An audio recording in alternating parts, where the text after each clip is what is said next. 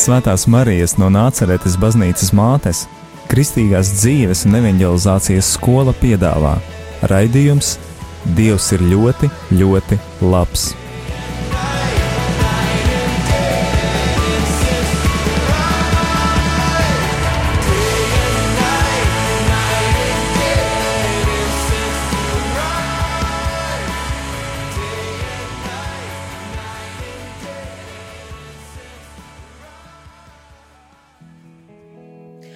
Kristus augšām cēlies.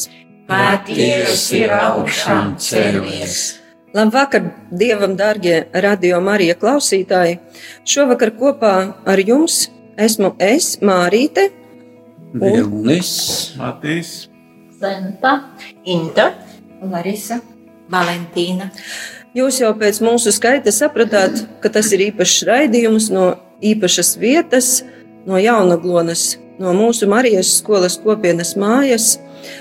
Un šodien mēs gribam vairāk jums pastāstīt, kā tiek izdzīvots šis laiks, šis laiks, ko mēs dažreiz nosaucam par pārbaudījumu laiku, pandēmijas laiku. Un arī jums, eh, mani draugi, tā gribas jūs saukt, arī gribu jautāt, kas, kā jūs tieši šeit, Jaunaglonā, šajā lielajā, skaistajā mājā izjūtat šos valstī noteiktos ierobežojumus un kā ir mainījusies jūsu kopienas ikdiena, kas ir savādāk, kas pietrūkst, kas ir labi. Kristīgās dzīves un evanģelizācijas skola piedāvā raidījums Dievs ir ļoti, ļoti labs.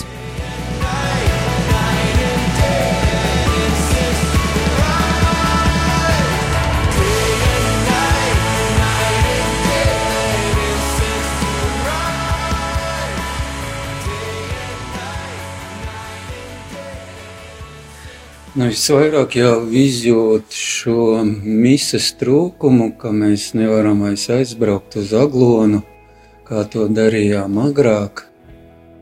Nu, nevar teikt jau, ka arī būtu atstāti galīgi neziņā, tāpat mūs ir šī garīgā aprūpe gan no vietējiem priesteriem, gan no mūsu garīgā vadītāja. Un kā vēl ir mainījusies, jā, protams, ļoti izjūtam šo trūkumu, ka nevar vairs atbraukt arī pie mums kā tādi tuvi mīļi cilvēki, ciemiņi. Arī nevaram uzņemt arī par dotajā brīdī arī jaunus iemītniekus, kuri gribētu šeit dzīvot, atrasties. Un tāpat arī Tas arī varbūt kā gavēni ir, kad jūti, ka tas gavēnis ir, kad uzreiz gribās pastiprināti varbūt ēst. Tā ir bija mūsu šai pandēmijas laikā ļoti izjūdama šo trūkumu, ka nevar, nav tās brīvības, ka nevar kaut kur iet, kaut kur braukt, kaut ko darīt. Varbūt mēs arī agrāk nevarētu teikt, ka mēs tik traki braukāt kaut kur riņķī, bet nu, dotajā brīdī tagad to apspiestību varbūt vairāk izjūt, ka taisni gribās to aizliegt, to, ka tas ir tāds tā kā saldāks auglis, ka gribās to nobaudīt, kaut kur braukāt apkārt. Jā, un tāpat uh, Ir cilvēks, protams, kas arī ir tā saikne ar ārpasauli, tāpat šī pārtika jāpērk uz slimnīcu, jābrauc. Protams, tiek ierobežoti žini savādāki braucieni, kuras varētu dotajā brīdī arī atlikt kaut kādi citādi pirkumi, kas nav iekš pārtiks vai medicīnas līdzekļiem. Un Jā, paldies, Vilnieks. Es saprotu, ka uz taviem pleciem gūs tāda lielākā daļa, eh, kad ir, eh, kad ir eh, jāizbrauc ārpusē. Ir arī noteikti kaut kādas bailes, satraukumi, ka var kaut ko atvest un, un, un tā. Arī plašsaziņas līdzekļos šajā laikā bieži vien mēs dzirdam par to, ka cilvēkus piemeklē dažādas psiholoģiskas problēmas, ģimeņu konflikti, nesaskaņas. Kā jums ir liela ģimene? Kā jums ir? Vai ir kaut kas tam līdzīgs? Un, ja ir, kā jūs ar to tiekat galā? protams, ka arī mums, mēs neesam nekāds izņēmums, arī mums ir konflikti un arī mums ir nesaskaņas. Jo, kā Mārīte teica, mums ir liela ģimene un katram ir savs temperaments, katram savas dzīves pieredze, uzskati arī vecums. Un kā tad, ko tad mēs darām? Vispirmām kārtām tā jau ir kopīga problēmu izrunāšana. Izrunājam katrs savu sāpi, pārunājam kopā, un mēs neiztiekam bez lūkšanām. Tās ir lūkšanas individuāli, tās ir kopīgās lūkšanas, kad mēs lūdzamies gan savā istabiņās, gan ejam uz kapelu lūgties visvētākā sakramenta priekšā. Un, protams, ja galīgi nevaram tikt ar savām lietām galā, tad ir arī aizlūkšanas. Tā ir tāda lūkšana forma, kura saucas aizlūkšanas. Mm, Man pašai arī nevisai sen bija kāda aizlūkšana, par kuru man gribētos šodien parunāt, dalīties savās izjūtās un varbūt vērsties pie visiem sabiedriskajiem bērnu izvadītājiem. Sava mūža kādus 20 gadus es izvadīju bērnus.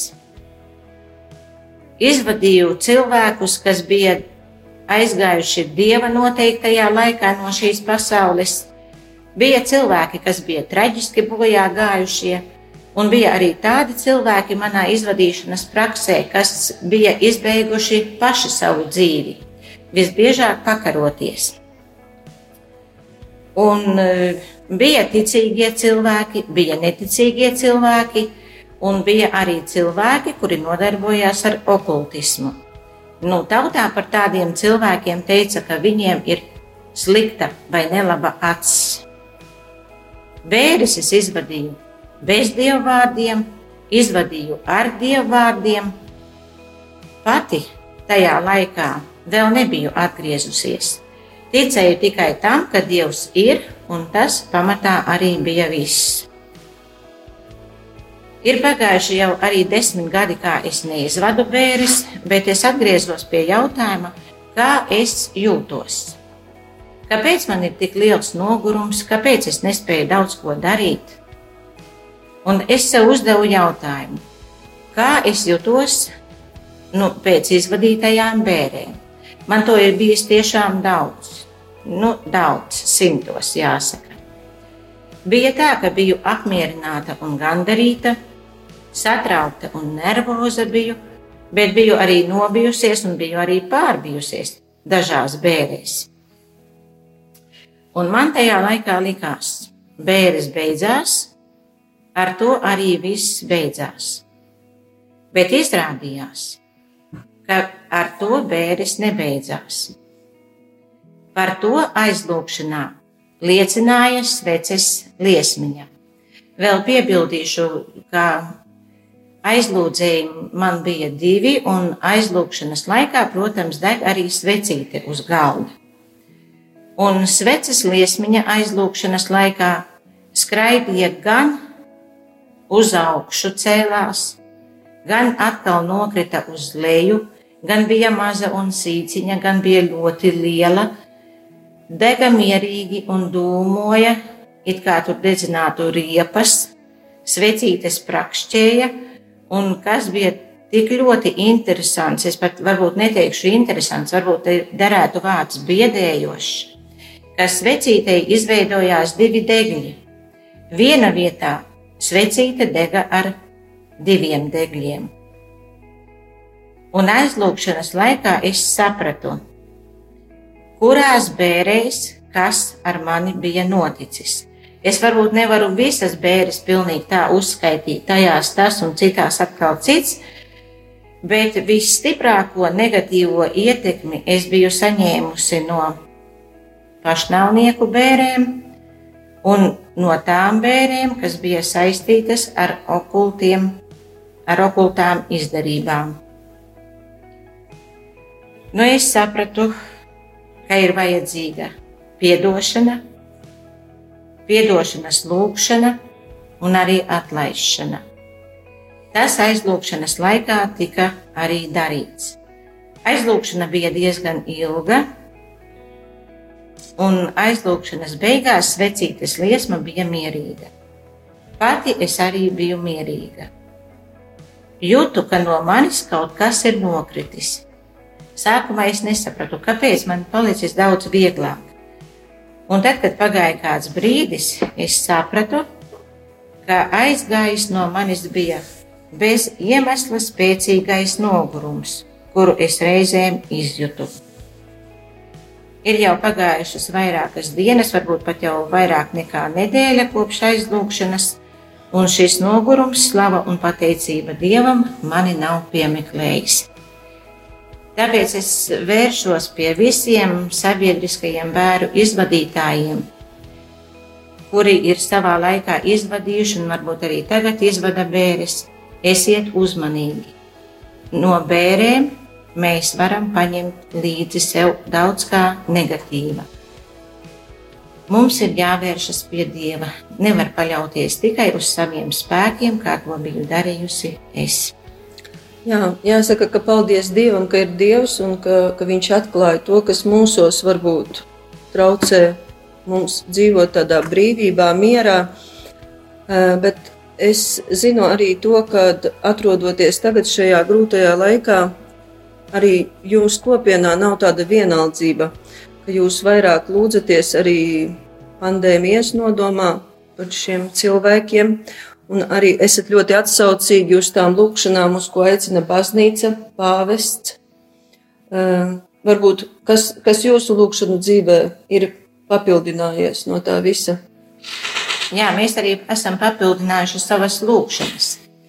Skaita ziņā papildinājuši, jo mēs lūdzamies pēc žēlsirdības kronīša pulkstenis trijos dienā, lūdzamies visdārgo Jēzus Kristus asiņu litāniju. Un mēs taisni lūdzamies par to, lūdzam Dievu, lai Dievs apstādina šo pandēmiju, lai Dievs glābj cilvēkus visā pasaulē, Latvijā, visus, gan pazīstamos, gan nepazīstamos, gan lielus, gan mazus, visus. Jā, un arī ir vēl pievienots 91. psalms. Jā, un 91. psalmu mēs sākām ar vakardienu, tas ir ar 12. ar 13. māju. Jā. Tā, tā ir labi, kad lūgties. mm, Māte Terēza arī teica, ka pastāvēs tās ģimenes, kas kopā lūdzas, arī lai Dievs mums visiem palīdz izturēt šo laiku un palikt kopā, palikt tādā savstarpējā sapratnē un mīlestībā. Iepriekšējos raidījumos eh, runāja Matīs, viņš ir bibliotekārs un viņš savā veidā arī kaut ko dara arī šeit, ir sakārtojis grāmatas, un viņu varētu nosaukt arī par tādu sava veida grāmatu tārpu. Vai tā ir Matīs? Var droši tā teikt, es piekrītu, ka man patīk, kāda tā ir. Un tagad, pandēmijas laikā, esmu atradis pavisam prozaisku lasām vielu, un tā ir uh, kalendāra. Lasu noplēšamu kalendāru. Es viņu ne, nelietoju katru dienu, nenoplēšu, bet atradu lasām vielu katrai dienai. Un, e, kalendāra lasām viela var būt ļoti dažāda, bet man priecē tās pērlītes, kuras es atrunu, un te ir viena. E, Marta mēneša otrā datuma lapiņā ir ierakstīta pasaka pieaugušajiem ieplīsušais pods. Viņa ir samērā īsa, nolasīšu, un tad, ko es daru ar to pasaku. E, Kādai vecai austrumu sievietei bija divi lieli podi. Tie bija iekārti kārtas galos, un viņa ar tiem no kalnu strauta sev nesa ūdeni. Viens strauts bija nevainojams, bet otrs ieplaisājis, un kamēr viņa tika līdz mājām, tas vairs bija tikai līdz pusē pilns. Tā tas turpinājās dien dienā gadiem. Sieviete līdz mājām pārnesa tikai pusotru trauku ūdens. Veselais trauks ar sevi ļoti lab, lepojās, bet nabaga ieplīsušais kaunējās, ka pilda tikai pusi no sava darba.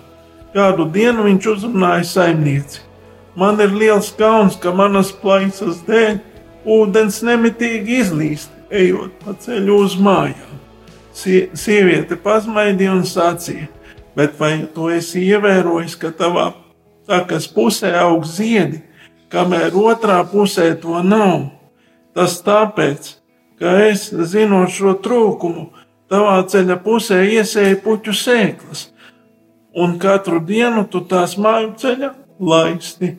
Tāpēc es varēju šos ziedus saplūkt un izdeļot māju. Ja, tā, ja tu nebūtu tāds, kāds esi, tad nebūtu arī šī skaistuma.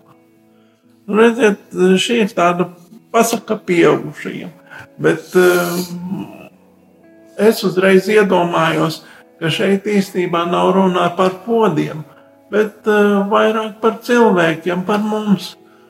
Mm, vairāk arī pat varbūt par rūpju bērniem. Un tāpēc es meklēju Bībelē, kas ir rakstīts par podiem, un īstenībā atradu divas tādas vietas, un uzšķīru mm, Jēzus grāmatas 8. pantā un lasu. Bet, ak, kungs, tu taču esi mūsu tēvs. Mēs esam māls, bet tu mūsu izveidotājs. Mēs visi esam tavu roku darbs. Nu, un otra vietiņa - celies un ej podnieka namā, kur es tev došu savus norādījumus. Tad es iegāju podnieka namā un redzu, viņš kaut ko darināja ar savu podnieka ripu. Un kad trauks, ko viņš darināja, neizdevās, kā tas ar māla podnieku rokās gadās, tad viņš pataisīja no tā citu trauku, tā kā tas viņam tieši patika. Tad atskanēja man atkal tā kunga balss, un man sacīja, vai tad es nevaru ar jums, Izraēla nams, darīt tāpat kā šis podnieks, saka kungs. Redzi, kā māls podnieka rikpā, rokā, tā jūs esat manā rokā, Izraēla nams. Redziet, vienkārši pasaka pieaugušajiem. Šitais otrais uh, gabaliņš bija no Jeremijas eh, grāmatas 18. nodaļas, no 2. līdz 6. pantam. Un tā es pavadu savas dienas, un, un vienkārši, kad nav kopējas lūkšanas, vai nav jādara kādi citi darbiņi, tā es izklaidējos. Un īstenībā varu papildināt eh, tā, kad mums ir kādi, kādi svētki, kādas dalīšanās, kad mums ir prieks tad es vairāk kārt to esmu darījis, un man patīk. Atrodu prieku mazās ikdienišķās lietās, tas ļoti noder. Jā, paldies, Matīs, ka tu dalies ar to. Varbūt dažreiz liekas nenozīmīgu, bet es domāju, ka katram tajās domās ir par ko aizdomāties. Jūs tiešām esat ļoti vērtīgi Dievam, un Dievs par jums rūpējas, bet mēs vēl neminējām kādu lūkšanu, ko jūs lūdzaties arī pēc žēlsirdības kronīša. Tā ir Jāzepa litānija. Larisa, varbūt tu pastāstīsi, kāpēc litānija un novena, kāpēc jūs lūdzaties vēl arī papildus šo lūkšanu? Jā, mūsu liela māja, lai viņa būtu mūsu pilnīgi privatizēta, Ar to ir lielas, nu, lielas darīšanas, un, lai to nokārtotu. Redzam, kas nav tik vienkārši, un mēs griežamies pēc palīdzības pēc Svētā Jāzepa, kurš ļoti labi palīdz visos eh, darba darījumos, un arī ģimenes jautājumos. Un tāpēc mēs ar lielu paļāvību uz viņu vēršamies un lūdzamies. Tā ir tā novena, kur mēs intensīvi arī ar galveni e, lūdzamies deviņas dienas, deviņas dienas un deviņi cilvēki katru dienu e, turēja tajā nodoma galveni. Vot. Un e, kā arī klāt arī Jāzepa litanija. Un tas deviņas dienas pagāja, un mēs turpinām. Turpinām vienkārši lūgties, arī to, to lūkšanu turpinām un Jāzepa litaniju. Nu, laikam līdz tam brīdim, kad mēs sapratīsim, ka viss ir kārtībā ar mūsu māju. Tā. Jā, dažreiz mūsu lūkšanās mums jābūt tādiem neatlaidīgiem un pacietīgiem, bet arī saprotam to, ka visām tām lietām, lai notiktu tā privatizācija, ir nepieciešamas finanses. Ar mums kopā arī ir ļoti svarīga persona šeit, mūsu sarunā, Zentas kundze, kura ir grāmatvede. Arī visa baznīca aicina savus, kā teikt, cilvēkus, draugus locekļus atbalstīt savas baznīcas, atbalstīt savas draugas. Un kā ir, pie, kā ir Marijas skolas kopienā ar finansēm, kur jūs tērējat finanses un kur jums viņas vajadzīgas, un, un kā ir, vai vispār izdzīvojat? Nu, kā visiem šajā grūtajā laikā arī mums ir samazinājušies ziedojumi. Par cik mēs tikai pārtiekam no ziedojumiem, mums citu ienākumu nav. Bet izdevumi mums ir diezgan lieli. Minēšu dažus. Mums par īri šai mājā ir jāmaksā katru mēnesi 225 eiro. Tad mums vajag apkurināt šo ēku, nopirkām 50 tonnas granulas. Tās mums izmaksāja uz 10 tūkstošiem. Arī vajadzēja iegādāties apkures katlus, divus gabalus. Tie izmaksāja mums 17 tūkstoši. Elektrība katru dienu, katru mēnesi prasa no 500 līdz 600. Ūdens kanalizācija no 400 līdz 500 aiziet. Konteineri dabas nodoklis 50 eiro. Nu, izdevumu pietiekoši daudzi. Mums lielākie ziedotāji ir vietējie pensionāri, kas šeit dzīvo. Viņi ziedo no savas pensijas 80%, un tad arī ar tiem mums ir jāizdzīvo. Līdz šim esam tikuši, nu, var teikt, sekmīgi galā, pateicoties, ka mums ir kopienas vadītājs, kas ļoti saimnieciski naudu izlieto iepirkumos pārtikai un, un, un citām vajadzīgām lietām, kā degvielai un nu, citiem vajadzīgiem izdevumiem. Nu, jāsaka, paldies Dievam, esam tikuši cauri, bet nu, tagad pēdējā laikā mums ir tiešām jāpadomā un jāpanalizē savi izdevumi, kam mēs tērējam un, mēs, un kurus var, mēs varam pieciest. Nu jā, izde, izdevumi ir lieli, protams, jo arī māja pati par sevi ir liela. Ir trīs stāvu ēka, un, saprotams, arī jūs šeit dzīvojat kaut kādi 11 cilvēki, vidēji 14, 16, šobrīd nedaudz mazāk. Jāsaprot arī tas, ka ļoti daudzas telpas ir neapdzīvotas, bet viņas tāpat ir jāuztur. Un es arī gribu teikt visas kopienas vārdā un biedrības vārdā visiem tiem labas gribas cilvēkiem, kas ir Marijas skolas dalībnieki par to atbalstu, ko jūs jau sniedzat. Un arī aicinu apzināties visus Marijas skolas dalībniekus, ka šī māja nav tikai māja vieta šiem cilvēkiem, kas šeit dzīvo, bet tā ir māja mums visiem, jo šeit mēs uh, pavadām arī daudzas Marijas skolas sesijas, ne tikai Latvijas līmenī, bet arī brauc uh, lietuvieši pie mums ciemos. Ukraiņi tieši tā, un, un tiešām esam pats pateicīgi jums par jebkādu atbalstu, ko jūs sniedzat. Šobrīd ir varbūt tāds e, nedaudz sarežģīts laiks, kad nevar atbraukt ciemiņi, bet jūs šeit esat vienmēr laipni gaidīti. Mēs esam ļoti daudz runājuši, jo arī mūsu ikdiena šeit kopienā ir ļoti raiba un e, dažāda. Tāpēc tagad nedaudz aiziesim nelielā mūzikas pauzē, un tad arī turpināsim vēl šo sarunu.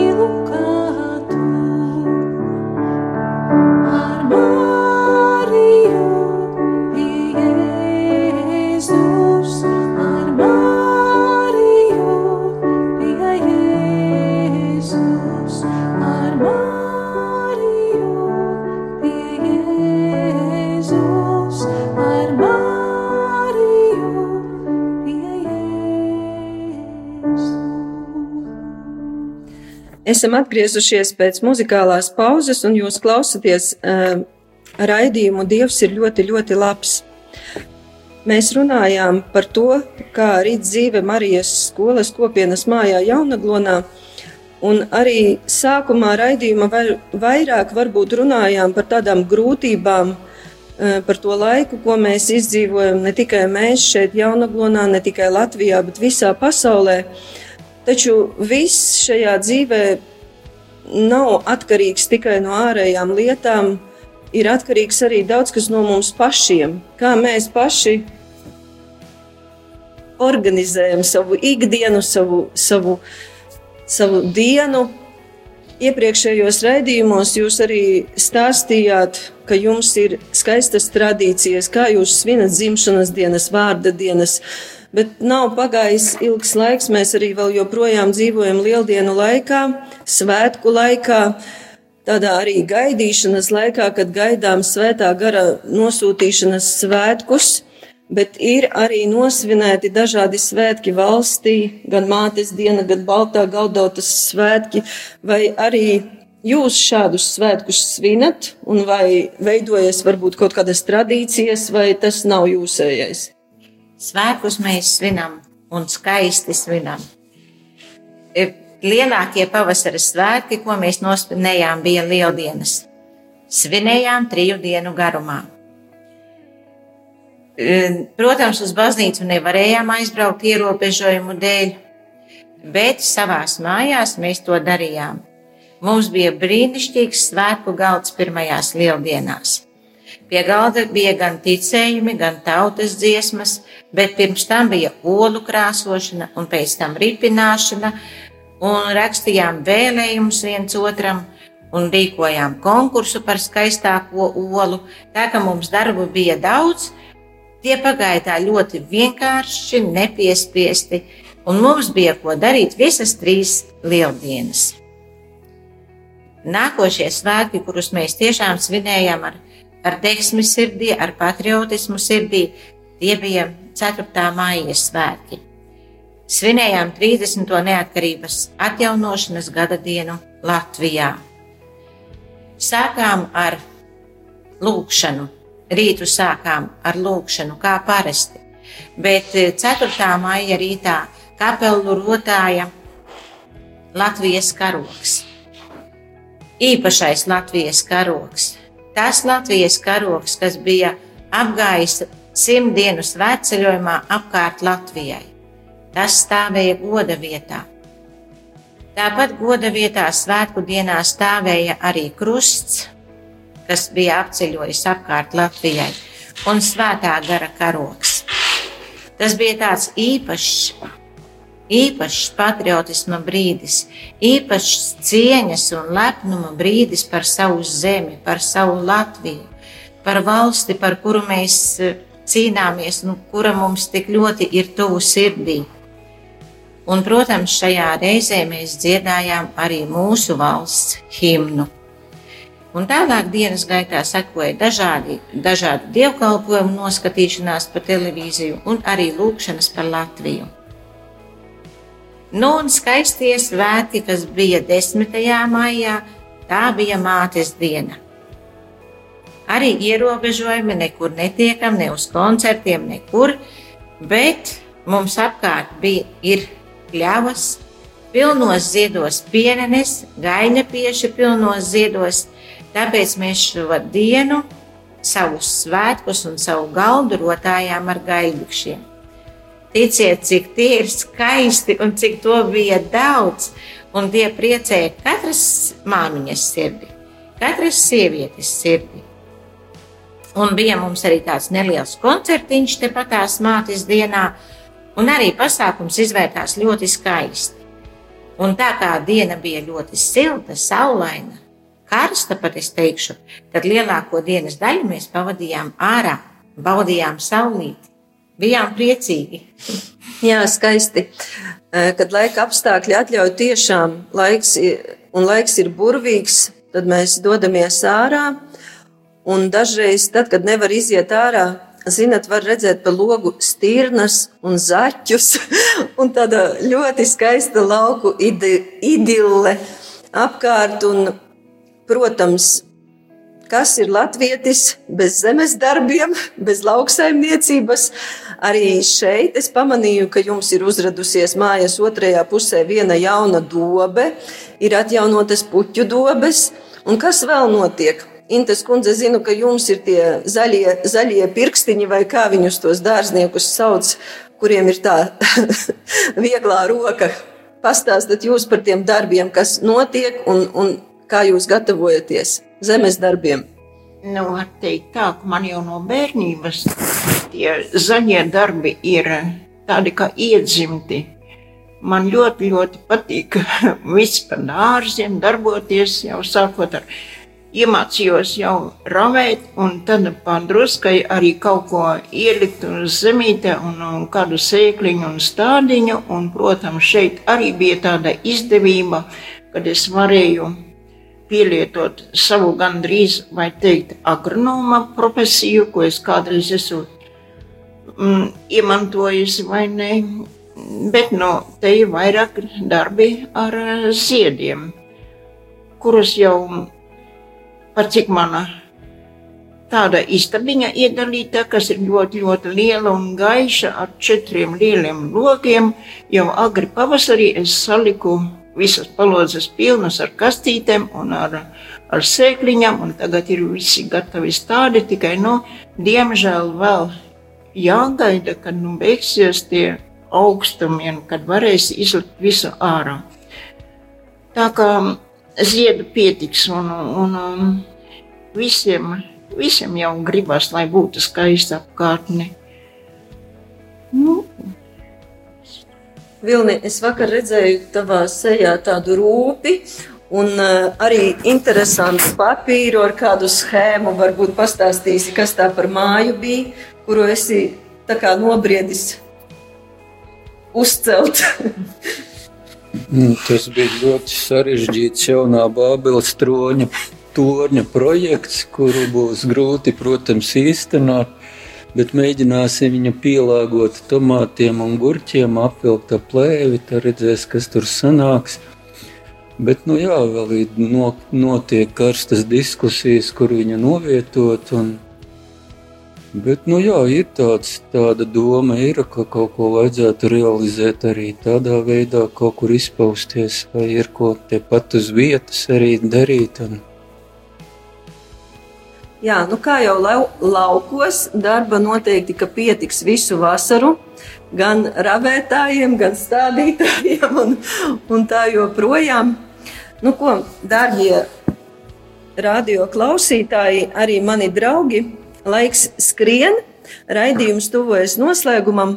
Es laikam jūsu visu vārdā gribu aicināt, tad, kad beigsies šis pandēmijas laiks, kad uh, mēs būsim godam izturējuši un uh, ievērojuši visus piesardzības noteikumus un tikuši galā ar, ar to nelabumu, kas ir nācis pār pasauli, lai Dievs mums palīdz, un mēs gaidām jūs ciemos jaunaglonā, gan ar savu kaut kādu prieku, gan ar pienesumu, gan darbā, gan labā vārdā, gan vienkārši ar jūsu klātbūtni šeit.